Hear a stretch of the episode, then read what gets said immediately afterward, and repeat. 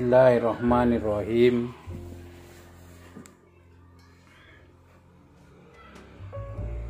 Saudara-saudara, saya sekarang di sini ingin berbicara tentang persoalan siasa.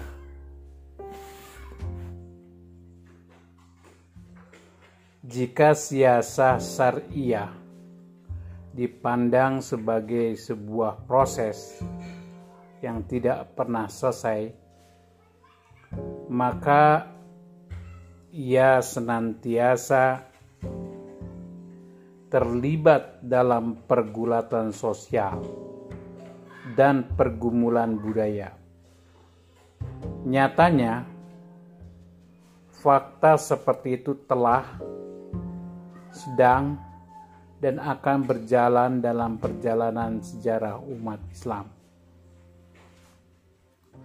Sejarah dengan pandangan demikian, pemecahan atas berbagai masalah yang terkait dengan ikhwal siasa syariah lebih bersifat kontekstual.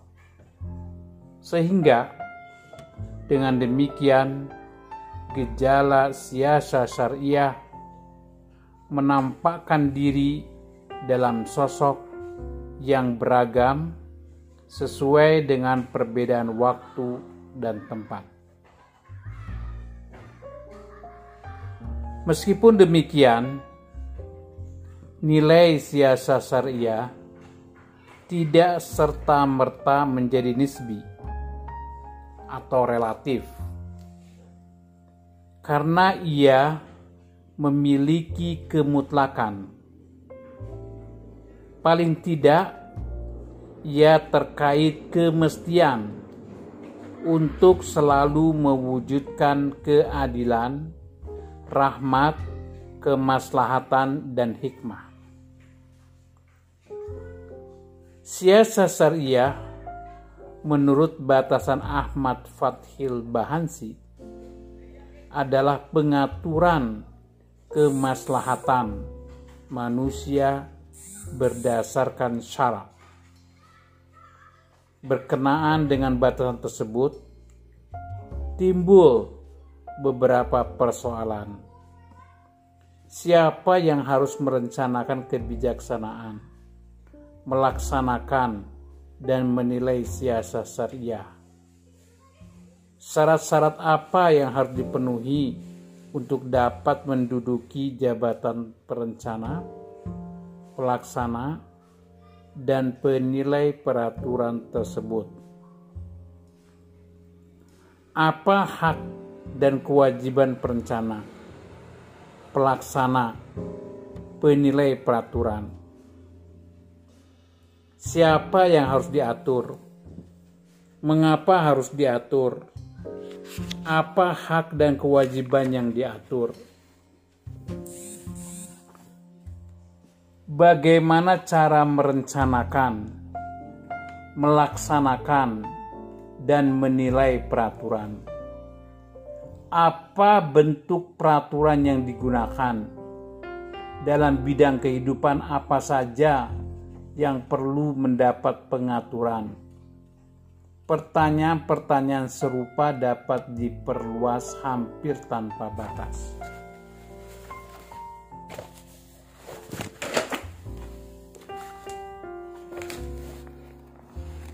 Dalam perspektif kesejarahan, jawaban atas pertanyaan-pertanyaan di atas beraneka ragam.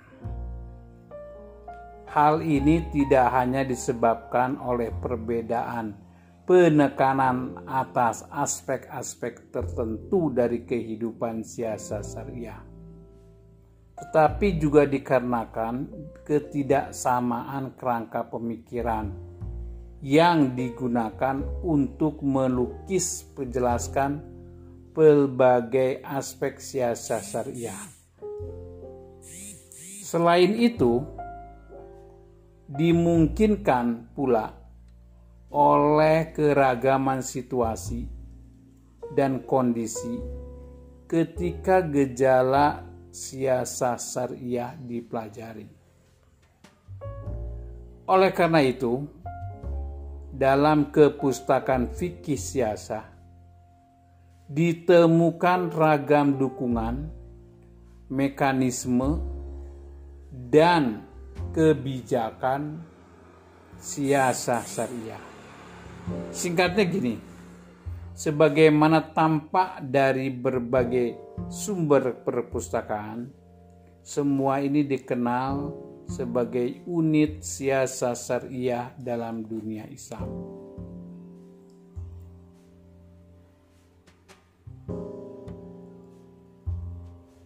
Buku ini merupakan langkah awal untuk mencoba memahami nilai-nilai atau struktur normatif yang memberikan arah corak siasa syariah.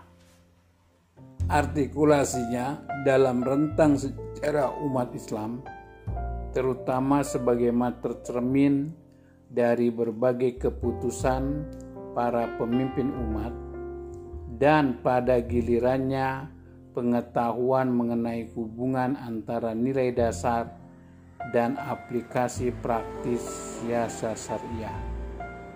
Relevan atau tidaknya menjelaskan faktor-faktor berpengaruh yang terkait. Dalam analisis terakhir, pemahaman atas masukan, tuntutan, dan dukungan, proses dan keluarga, siasa syariah pada rentang sejarah umat Islam diharapkan dapat memunculkan pemahaman mengenai kecenderungan-kecenderungan tertentu. Dengan pemahaman atas kecenderungan-kecenderungan tadi, gejala siasa syariah pada waktu dan tempat lain tidak dapat hanya dilukiskan tetapi juga dijelaskan, bahkan diprediksikan. Singkatnya, sebuah hasrat untuk memberi dasar dalam pembentukan teori, bukan teori itu sendiri mengenai siasat syariah.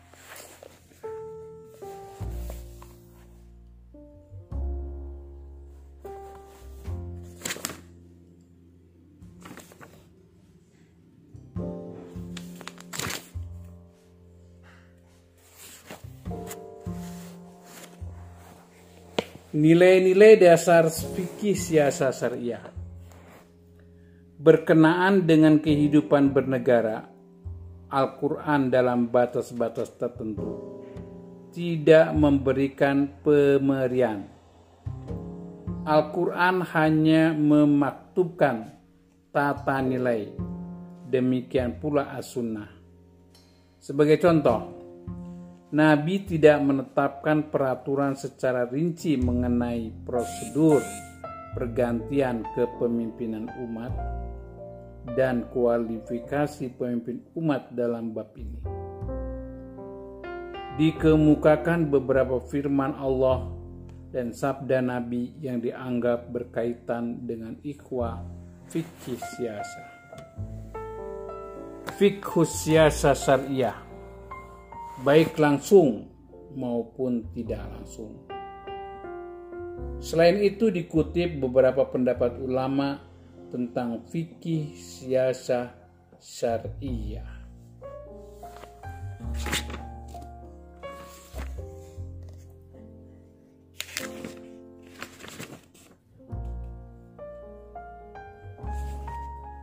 Dasar Al-Quranul Karim di dalam di dalam Al-Qur'an disebutkan Pertama ada kemestian mewujudkan persatuan dan kesatuan umat. Sebagaimana tertuang dalam ayat Al-Quran, Wa inna hadhihi ummatukum ummatan wahidatan wa ana rabbukum fattaqun. Sesungguhnya umat kamu ini umat yang satu dan aku Tuhan kamu bertakwalah kepada kepadaku. Wala tanaza'u fatafshalu wa tadhaba rihukum wasbiru. Janganlah bercerai-cerai berai kamu akan gagal dan hilang kekuatanmu. Wa amruhum syura bainahum Urusan mereka diputuskan dengan bermusyawarah di antara mereka. Wasawirhum fil amri dan bermusyawarahlah dengan mereka dalam urusan itu. Dalam perkataan urusan tercakup urusan ekonomi, sosial, politik, budaya, dan sebagainya.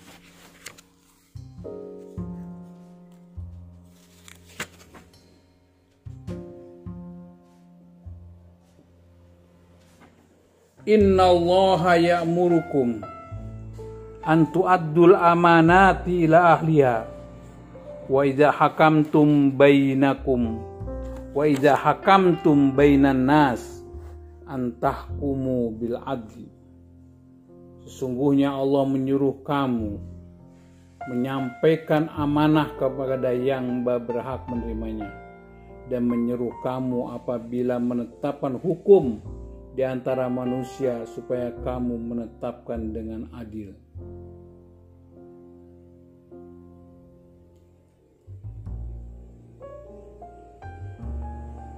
Ya ayyuhalladzina amanu atiullah wa atiur rasula wa ulil amri minkum. Hei orang-orang yang beriman, taatilah Allah dan Rasulnya dan orang-orang yang memegang kekuasaan di antara kamu. Kemestian mendamaikan konflik antar kelompok dalam masyarakat Islam.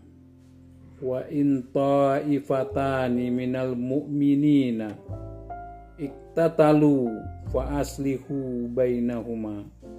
Dan jika ada dua golongan dari orang-orang mukmin berperang, maka damaikanlah keduanya. F. Kemestian mempertahankan kedaulatan negara dan larangan melakukan agresi dan invasi. Wa qatilu fi sabilillahi ladzina yuqatilunakum dan perangilah di jalan Allah orang-orang yang memerangi kamu tetapi janganlah kamu melampaui batas.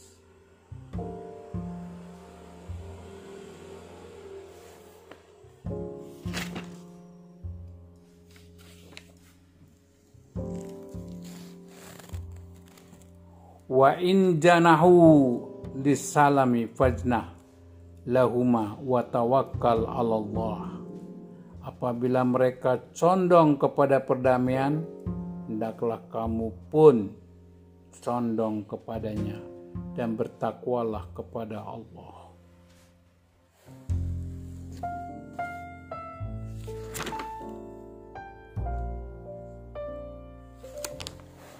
Ya ayuhan nas Inna khalaqnakum min dzakarin wa unsa wa ja'alnakum su'uban wa qabaila lita'arofu inna akramakum indallahi atqakum. Hei manusia, sungguhnya kami telah menciptakan kamu dari seorang laki-laki dan seorang perempuan dan menjadikan kamu berbangsa-bangsa dan bersuku-suku supaya kamu saling mengenal. Sesungguhnya orang yang paling mulia di antara kamu di sisi Allah adalah orang yang paling bertakwa di antara kamu. Kaila yakunu daulatan bainal agniya'i minkum.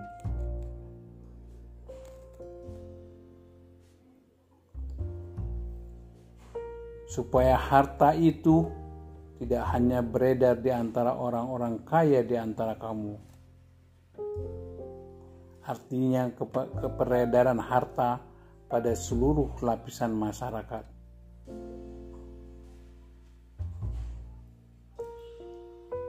Keharusan mengikuti prinsip-prinsip pelaksanaan hukum dalam hal ini menyedikitkan beban, berangsur-angsur, tidak menyulitkan.